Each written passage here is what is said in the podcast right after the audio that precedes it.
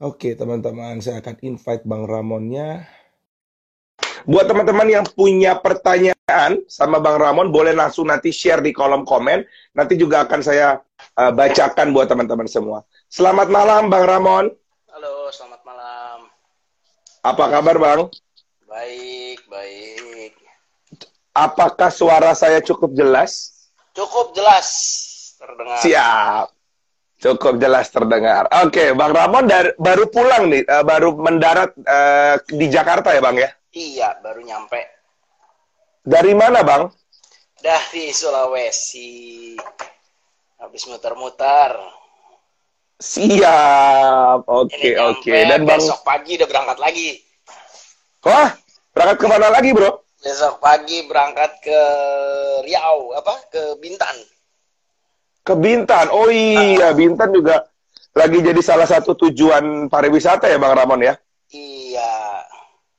Gitu. Nah, Bang Ramon, ini kita kebetulan setiap hari Rabu nih biasanya ada live sama orang-orang yang memiliki uh, impact lah buat buat buat generasi muda lah khususnya gitu dan banyak juga permintaan untuk ngobrol-ngobrol sama seorang adventure ya untuk sama seorang petualang. Nah, dan banyak waktu itu ngobrol, eh boleh dong nih sama Ramon Yetungka nih katanya kan udah dulu menjelajah 100 hari ya Bang ya? Iya. Indonesia dalam 100 hari. Nah Bang Ramon, waktu menjelajah uh, Indonesia 100 hari itu, apa sih deskripsi Bang Ramon soal kekayaan Indonesia? Boleh nggak sih diceritain lah ke kita nih mungkin yang baru jalan-jalan cuma ke Bandung, ke Bali, let's say ke Jogja, dan belum pernah masuk ke pedalaman-pedalaman Indonesia, boleh nggak Bang Ramon jelasin? Indonesia kalau saya bilang waktu itu sih saya itu tujuh tahun lalu ya 2013 saya melakukan ekspedisi 100 hari keliling Indonesia kenyataannya lebih dari 100 hari hingga akhirnya saya bisa menyimpulkan bahwa negeri ini terlalu luas dan hidup satu kali saja tidak akan cukup untuk bisa mengenali memahami negeri ini karena bersyukurlah negeri ini terlalu luas pokoknya gitu. Hmm. Bang, tapi banyak orang bilang, setuju nggak sih kalau Indonesia ini adalah salah satu negara yang paling kaya akan alam uh, untuk pariwisatanya. Setuju nggak Bang kalau itu? Oh, sangat setuju. Kita punya semuanya gitu. Maksudnya kita punya soal kekayaan alam, kita punya kita punya gunung, kita punya banyak, ada ratusan. Kemudian Taman Nasional kita punya 54. Lalu pantai-pantai kita, kita negara kepulauan banyak. Kita punya sungai, kita punya bukit, kita punya salju abadi dan hanya di hanya di, di dunia aja hanya Indonesia yang punya itu. Dan kita uh, hutan hujan tropis kita tuh boleh dibilang nomor dua di dunia kan after Brazil gitu. Hmm, jadi ya. kalau kekayaan alam kita jagonya gitu. Bang Ramon tapi gini biasanya petualang-petualang kayak lo nih yang kalau gue perhatiin di Instagram nih nggak tahu ya ini menurut pendapat gua nih. Ini setuju nggak bang sama setiap daerah itu harus menjadi sebuah industri pariwisata? Karena ada yang bicara ketika da satu daerah menjadi industri biasanya uh, ada sedikit yang dirusak nih sama wisatawan-wisatawan yang datang baik asing maupun lokal. Setuju nggak bang Ramon? Uh, saya sih nggak setuju ya semua daerah itu bisa dijadikan industri gitu ya. Maksudnya uh, kita kenalin dulu wilayahnya kita kenalin dulu di dalam itu ada apa maka boleh dibilang ini layak e, dijadikan industri pariwisata atau tidak gitu. Bila tidak ya jangan di jangan di apa ya, jangan di paksakan. Dipaksakan gitu kan kondisinya gitu. Hmm. Bang, dari uh, perjalanan 100 hari lebih yang lo tadi bilang kan tujuh tahun yang lalu itu, kalau sekarang abang kan banyak balik-balik lagi, apakah benar bahwa infrastruktur kita dalam 3-4 tahun ini udah lebih better dibanding 7 tahun yang lalu, Bang? Ya, kalau infrastruktur pastilah uh, growth ya, ada progress. Ya. Apa pun sifat mau itu infrastruktur maupun uh, apa namanya medianya, itu pasti growth gitu. Tinggal bagaimana nih dengan segala macam kemudahan, apalagi dengan adanya virtual tour, terus kemudian orang dengan digitalize semuanya bisa dengan mudah dalam genggaman Anda Anda bisa ke mana gitu tinggal bagaimana kita bijaksana e, menggunakan memanfaatkan kemudahan ini gitu ya ya hmm. jadi e, boleh dibilang artinya grafiknya itu harusnya ketika semakin mudah ketika semakin progres uh, grafiknya juga attitude si pejalan ini juga harus growth juga gitu. Jangan malah degradasi attitude. degradasi attitude gitu. Hmm. Attitude si uh, si travelernya ini harus diedukasi juga ya Bang ya ibaratnya iya untuk dong. tetap menjaga untuk tetap menjaga kakak. Tapi tapi banyak gini bang, gue ada beberapa nonton lu di interview juga sama banyak orang bahwa lu mengatakan banyak banget nih persoalan, terutama persoalan sampah nih bang ibaratnya. Nah, ketika satu tempat menjadi tempat industri pariwisata, itu kan satu tempat itu juga akan memproduksi atau mem melahirkan banyak eh, sampah, nah banyak masalah. Nah, menurut lu gimana sih bang? Solusinya nih, lu kan udah traveling, traveling ke gunung, ke laut, everything lah Indonesia Timur dari Sabang sampai Merauke itu gimana bang Ramon? Solusinya gini ibaratnya, kita bepergian ke mana pun, entah itu wilayahnya dataran tinggi, entah itu naik gunung, ataupun kita ke desa-desa, ataupun kita bermain di wilayah laut, pantai, uh, lebih baik kita bepergian dengan uh, membawa kembali sampah kita, gitu kan.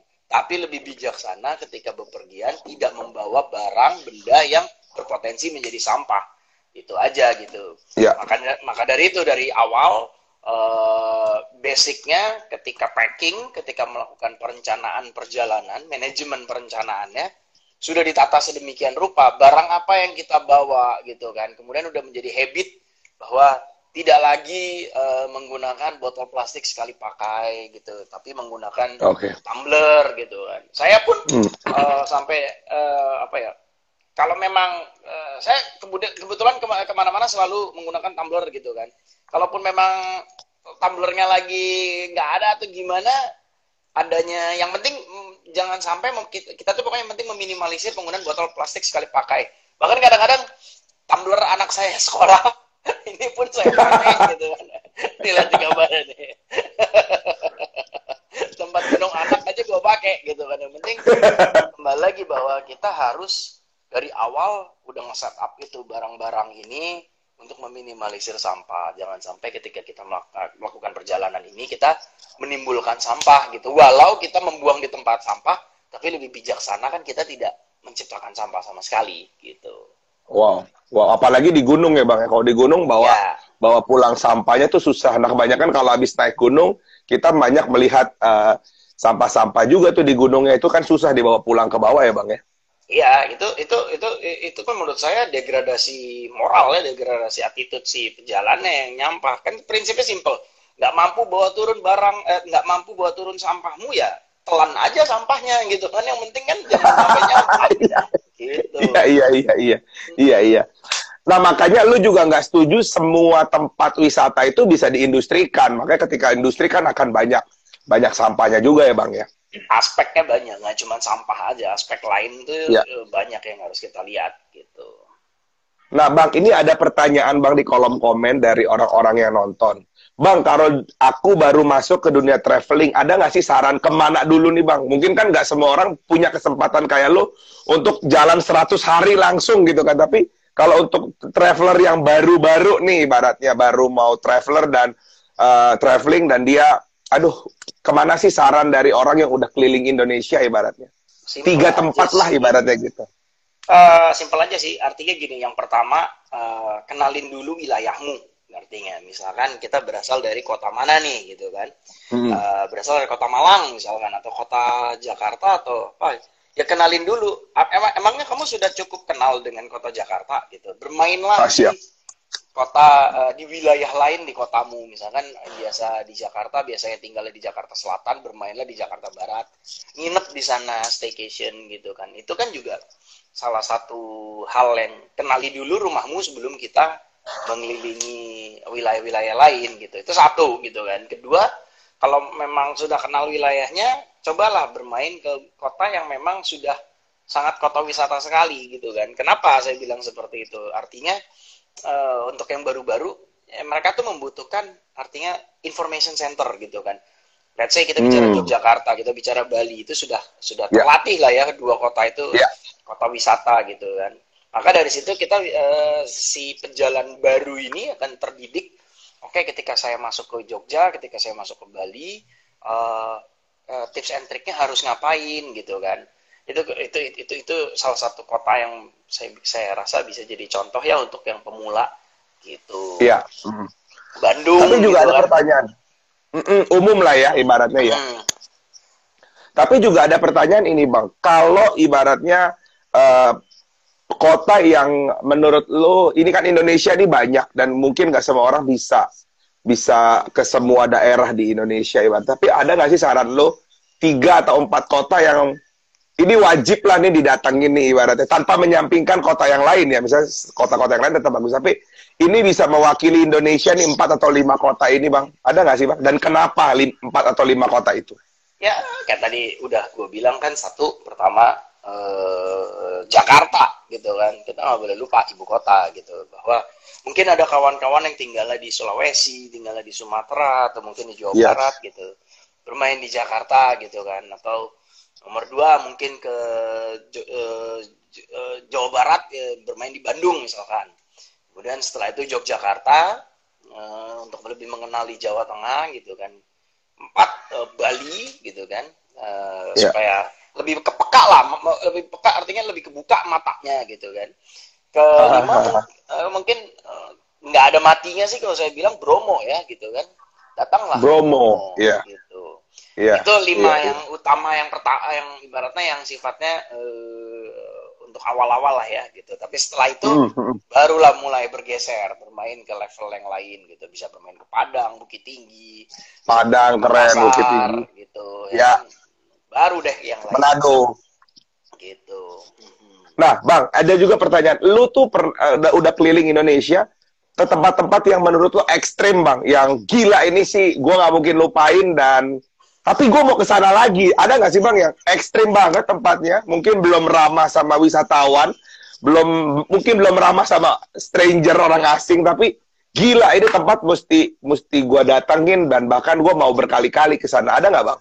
Banyak sih kalau bicara Indonesia ya tempat-tempat yang tidak dikenal yang pernah saya datangin dan pengen kembali lagi ke sana dan uh, terwujud dan pengen lagi itu juga banyak gitu kan kayak kita bicara hmm. Papua Papua nggak ada habisnya gitu kan saya bermain di Papua mungkin salah satu favorit di Papua ya selain Raja Ampat ya uh, Wamena itu saya pengen sekali Wamena.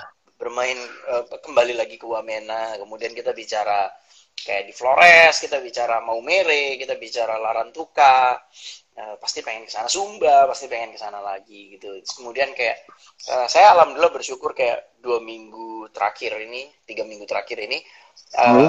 saya mengunjungi lagi tempat-tempat yang memang menurut saya saya harus kembali lagi ke tempat ini dan saya berhasil mengunjungi kembali saya bermain ke Kalimantan saya bermain ke Pontianak gitu kemudian uh, culture-nya kuat ya bang ya ya kemudian Pontianak. saya saya baru saja pulang dari uh, Sulawesi Tengah ini baru aja pulang dari Sulawesi Tengah ya. dari Banggai Kepulauan dari nah itu kan juga termasuk hal-hal yang tempat-tempat yang memang bukan terhighlight ya tapi ini ya. membuat saya pengen kembali lagi ke sana gitu jadi banyak hmm. lah kalau ditanya tempat-tempat yang non highlight gitu Iya iya. Nah kan kalau lu jalan nih bang, jalan selain melihat alam, tapi apa sih bang yang uh, bikin lu nagih menjadi seorang traveler? Apakah budayanya ataukah masyarakat masyarakat lokalnya? Mungkin kan kalau cuma traveling, lihatnya laut lagi, laut lagi kan mungkin akan jenuh. Tapi apa sih yang yang orang lain nggak tahu nih soal Raymond Yetungka nih kalau sedang traveling apa sih yang sebenarnya lu lu lu highlight lah ibaratnya lu lu senangi lah ibaratnya interest ya uh, banyak ya maksudnya saya selalu uh, ibaratnya gini walau saya dianugerahi kesempatan untuk uh, pernah mendatangi beberapa tempat lebih dari sekali, lebih dari dua kali gitu kan. Tapi setiap saya mendatangi tempat tersebut, walau saya sudah pernah datang, saya selalu bilang bahwa ini kunjungan saya pertama gitu kan. Artinya okay. curiosity itu it's a must gitu. Jadi mm-hmm. uh, ketika saya datang satu tempat pasti saya pelajarin simple aja dulu makanan. Apa sih mm. makanan khasnya gitu? Karena makanan khas itu berpengaruh pada karakter orang-orangnya gitu kan. Saya selalu mencari di mana pasar tradisional. Saya selalu pagi-pagi bermain di pasar tradisional. Pasar saya tradisional, ya. Hiruk pikuknya gitu kan. Kemudian masyarakat aslinya. Kemudian saya bertanya di mana uh, apa ya rumah ibadah gitu kan tempat ibadah yang memang mungkin yang paling tua di sini di mana gitu saya datangin gitu kan Uh, yeah. Saya ngeliat ada gereja tua, saya datangin. Saya ngeliat ada kuil tua, saya datangin. Ada masjid yeah. tua, saya datangin gitu. Terus kemudian banyak. Kemudian saya banyak bicara soal uh, tanya, misalkan di sini, uh, di sini terkenalnya akan apa? Uh, tenunnya begini, begini, begini, kerajinan tangannya begini. Oh ya, ya, ya, saya datangin langsung gitu kan. Hanya untuk apa? Bukan untuk, bukan hanya sekedar belanja, tapi lebih kepada yeah. Ya. uh, explore gitu kan. Maka, maka itu saya bilang. Explore ketika kamu sudah pernah ke Malang misalkan atau sudah pernah ke Bali, hmm. setiap ke Bali selalu saya merasa bahwa ini kunjungan pertama buat saya. Hmm. Jadi buat saya hmm. tetap lapar, tetap mencari tahu ya. apa sih di Bali ini ada apa gitu kan. Gitu. Dan dan setiap lu ke kota-kota itu uh, memang Indonesia punya keunikan tersendiri ya, Bang ya. Oh, banget. Setiap, setiap kota, kota punya keunikannya masing-masing. Betul, sangat betul. Gitu. Hmm. Wow, wow, wow. Nggak, nggak, nggak, nggak, nggak, nggak berasa banget nih ngobrolnya. Ya, cepet banget kayaknya. Nah, Bang, kalau misalnya udah ke luar negeri, nah, gue lihat kemarin lu ke, lu juga kalau keluar negeri aneh-aneh ya, Bang, ya, ke Tasmania kemarin gue lihat itu di, di Instagram. Gue bilang, ngapain tuh, ngapain, Bang, kalau keluar, keluar negeri ke sana tuh, Bang? ya, sesuai kebutuhan lah, maksudnya memang pada saat ke Tanzania karena memang mau mendaki gunung di Afrika gitu kan. Kebetulan kotanya di eh, negaranya di Tanzania. Kemudian ke beberapa tempat lah di luar negeri gitu intinya sih kalau buat hmm. saya eh, dunia itu tidak sekecil daun kelor gitu kan tidak selebar iya, iya, kelor iya. maka jelajahilah gitu bahkan di semua Bible semua kitab semua agama diterjemahkan tafsirannya bahwa uh, ya berjalanlah di planet ini gitu kan berjalanlah dan hmm. manfaatlah itu yang paling penting gitu Wow, Bang Ramon, ini juga ada pertanyaan. Ini dari sisi bisnis nih, Bang. Kebetulan ya. kita banyak teman-teman di sini orang-orang bisnis. Pernah nggak sih, Bang, bikin gini special uh, traveling with Ramon Yetungka? Pasti kan banyak nih, Bang. Kalau traveling gitu, misalnya gua deh, ibaratnya, lu mau ke Sumba nih, ibaratnya. Orang kan kalau ke Sumba biasanya cuma nginep di resort, dia honeymoon dan segala macam. Tapi untuk traveling-traveling masuknya itu kan kita nggak berani di bang kalau sendiri. Lu pernah nggak sih bang bikin program kayak special journey with Raymond Yetungka kayak kayak, gitu pernah nggak sih bang? Dan Uh, apa? Lu melihat itu dari segi bisnis atau nggak bang Ramon?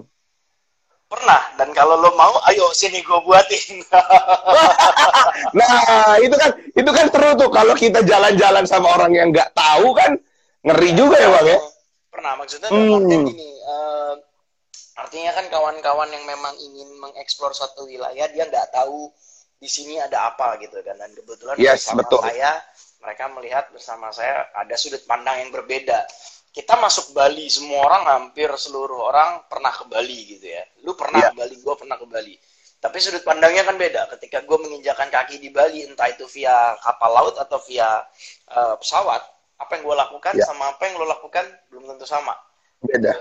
Hmm. nah, itu kadang uh, yang membuat beberapa teman-teman gue yang lain gitu beberapa klien-klien gue yang lain mengajak gue untuk mendampingi mereka untuk melakukan eksplorasi tadi melalui dari sudut pandang saya gitu uh, ya, buat biasanya kan fine fine aja asik asik aja gitu Wah, siap, siap, siap. Ini karena uh, temen gue banyak juga nih yang WA nih. Kalau jalannya, kalau jalannya pergi, ada yang ngegas kan enak nih.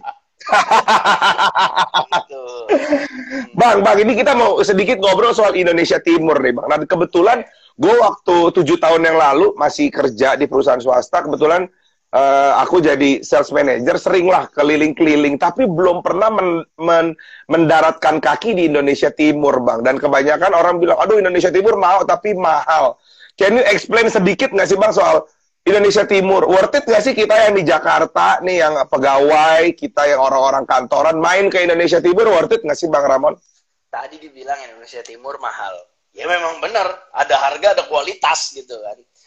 Iya, iya, iya, iya saya paling kesel kalau misalkan ada orang yang ngobrol bahwa ke Raja Ampat atau ke Ambon gitu, ke Maluku, ke ke mana pun, ke Sumba, tiketnya sekian. Wah, mendingan gua ke Vietnam, mendingan gua ke Thailand. Hmm, mendingan gua ke Bangkok ya makanya nah, ya. gitu katanya. Orang yang ngomong gitu di depan saya, pasti saya akan ngomong, ya gidah berangkat aja sana ke Bangkok gitu kan saya bilang kalau memang pilihan lu pengen ke, dengan angka segitu lu pengen di Bangkok silakan gitu kan tapi lu dapat apa di Bangkok lu dapat apa di Vietnam coba gua tanya gitu kan kita konver hmm. kita konversikan kita kita bedah sama-sama yuk saya bilang gitu.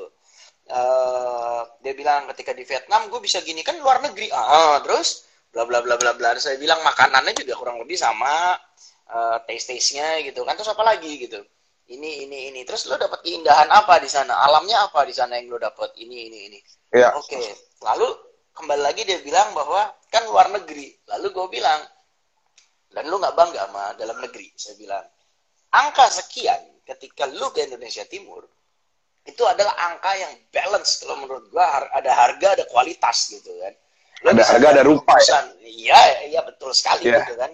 Bisa lihat gugusan wayak ya Nemo di Raja Ampat. Kita bisa ngelihat kita, bila kita ke Jayapura kita ke uh, Flores kita lah, paling dekat ya Labuan Bajo Komodo. Kamu bisa ngeliat seperti itu.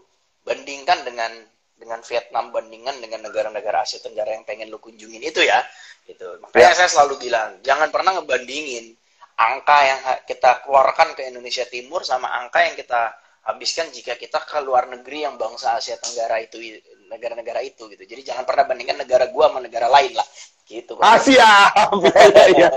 karena karena kata orang-orang tuh Indonesia Timur tuh wow banget ya bang. Katanya nih, gua, gua gua belum pernah kan. Hmm. Tapi gini, kalau kita bicara Indonesia Timur, semua orang melirik ke timur, gitu kan. Mereka menganggap ya. Indonesia Timur seksi, seksi, seksi.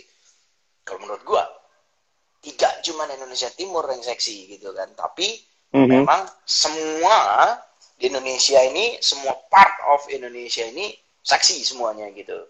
Dan saat semua orang memilih Indonesia Timur, saya sedang mempersiapkan sebuah proyek di mana saya akan bermain ke barat gitu. Ya kan dalam artian kita nggak bisa bilang bahwa uh, Indonesia itu uh, yang timur itu seksi gitu, yang utara nggak iya. seksi yeah. gitu. Itu ibarat kayak kita punya lima bersaudara, kita bisa bilang bahwa oh, kakak kita yang ini cakep, yang ini enggak gitu, nggak bisa gitu. Hmm, Masing-masing hmm. punya yeah, yeah, yeah. Gitu, kurang lebih. Oke, okay, tapi gini bang, kenapa kebanyakan kalau Indo, uh, apa wisata alam Indonesia yang masuk-masuk yang kurang populer di di telinga kita ini, tapi kebanyakan orang bule ya bang ke sana ya bang ya? Apakah karena masyarakat kita uh, nggak kayak misalnya kayak ke, ke timur lah kita ngomong ke Labu apa ke Labuan Bajo, kita ngomong ke Flores. Kenapa lebih banyak orang bule bang, orang luar negeri ke sana? dibanding orang Indonesia-nya sendiri. Apakah itu soal harga ataukah karena memang masyarakat kita belum teredukasi atau karena pemerintah kita kurang promosi, Bang kalau menurut lo? Enggak, uh, lebih kepada uh, level level kerajinan ya. Maksudnya uh, tingkatan tingkatan curiosity kalau menurut gua. Kenapa orang bule? Karena orang bule penasaran gitu kan.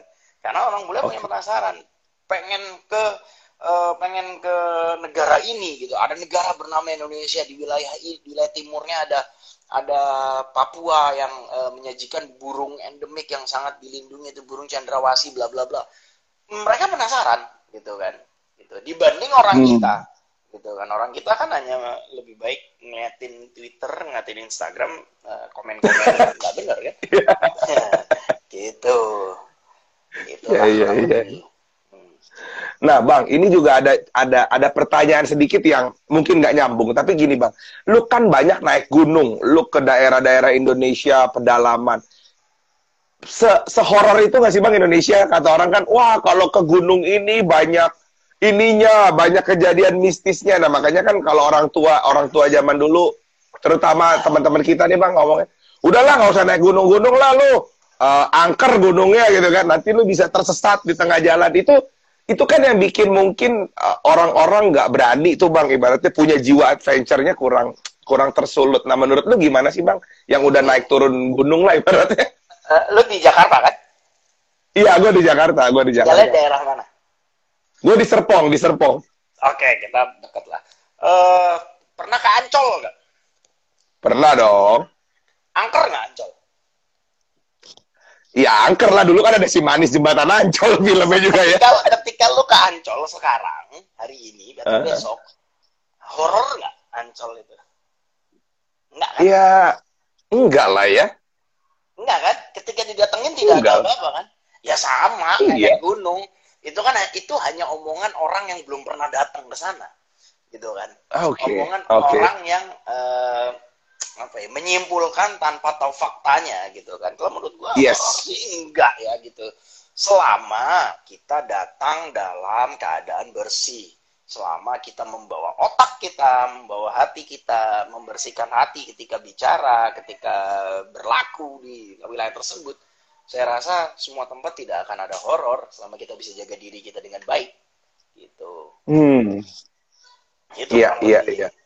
Tetap kita ya. juga ibaratnya ya. mau makan ke tempat orang kita mesti sopan juga ya, Bang ya? Iyalah, gitu. Sama kayak lo bertamu ke rumah gua, nggak ada apa-apa, ya. nggak horor, tapi lo tindak tanduk lo di rumah gua menyebalkan ya iya. rumah gua akan jadi horor iya karena gua iya. akan nakutin lu untuk keluar dari rumah benar, gua benar, benar, seperti benar. itu gitu kan kurang lebih iya iya ya hati hati dan pikiran kita juga mesti mesti dijaga lah ibaratnya bang ya iya. wow wow wow wow wow wow bang the last question nih bang pertanyaan terakhir buat buat lu ibaratnya uh, karena udah setengah jam nih nggak nggak nggak berasa banget gimana sih seorang Ramon Yetungka mencari uang dulu kan abang aktor nih ibaratnya Film-film lu tuh meng menghias. Sekarang. Masih lah ya sampai sekarang ya. Uh, gimana apa cari uang? Mencari uang um, dari seorang petualang apakah dengan lu menjadi brand ambassador ataukah memang lu punya program uh, kayak gimana sih bang untuk lu sekarang gitu? Cari uang mah tetap intinya belajar ya kuncinya. Kalau saya mah orangnya bagaimana cara tetap hidup ya belajar. Lihat aja buku di belakang gua nih banyak gitu kan maksudnya. Iya iya iya jangan pernah berhenti belajar gitu kan maksudnya uh, saya memilih uh, jalan hidup menjadi seorang pejalan menjadi seorang traveler menjadi seorang mungkin orang bilang petualang dan segala macam ya karena itu jalan hidup saya maka itu saya harus belajar bagaimana caranya uh, menggenapkan skill-skill ini gitu kan gimana caranya mm -hmm. menggenapkan skill-skill saya gimana caranya saya mampu uh, apa ya ilmu saya tentang alam, ilmu saya tentang pendakian, tentang uh, tentang kegiatan outdoor harus mm. mumpuni. Artinya kan saya harus belajar gitu. Dan bagaimana menjadi produktif gitu kan? Gampang, bukan gampang ya. Banyak cara kok. Kita bisa menjadi mm. seorang tour guide gitu kan. Itu kan pekerjaan yang halal gitu kan. Kita yes, bisa menjadi yes, seorang yes. Uh, ranger dalam artian uh, mm. jagawan, nah, penjaga taman nasional jika memang punya interest di sana gitu kan. Kita bisa juga menjadi seorang interpreter, artinya penerjemah gitu kan. Itu kan dibayar hmm. juga. Atau menjadi seorang yeah. trip uh, trip trip apa ya istilahnya uh, uh, membuat trip open trip lah. Apa? Ya kayak gitulah hmm. gitu. Trip advisor, yeah. trip trip counselor gitu kan, apa pun lah seperti mm -hmm. itu ya kita kan menjadi, bisa menjadi bisa menjadi, bisa menghasilkan kalau misalkan kita bicara produktif dan menghasilkan kan gitu atau ya, bisa ya, juga ya. Uh, menjalankan apa yang sifatnya jalan-jalan tapi tetap menghasilkan zaman sekarang hmm. bisa orang bikin YouTube bikin vlog segala macam ya. gitu kan itu jadi banyak jalan menuju Roma banyak jalan untuk melindungi Indonesia gitu ah siap Thank you so much Bang Ramon. Nanti gue mau WA lu Bang yang itu oh, nih yang apa traveling, yang traveling with special with Ramon. Kayaknya gue mau ajak beberapa teman gue. Ntar kita ngobrol-ngobrol via WA ya. Siap, bisa diatur. Gitu. Siap, Bang Ramon. Thank you so much buat waktunya. Uh, sukses selalu. Besok juga uh, besok juga ada trip ada trip lagi uh, safe flight ya Bang ya. Siap. Semua dalam uh, kebaikan dan anugerah Tuhan. Thank you Bang Ramon. Saya pamit dulu semuanya. Thank you yang udah nonton dan komen dan ngasih pertanyaan ya. Pokoknya intinya ya. tetap belajar, tetap tangguh, jangan banyak jalan untuk keliling Indonesia. Yeay, thank you Bang Ramon. Bye bye. Dadah. Oke, tadi kita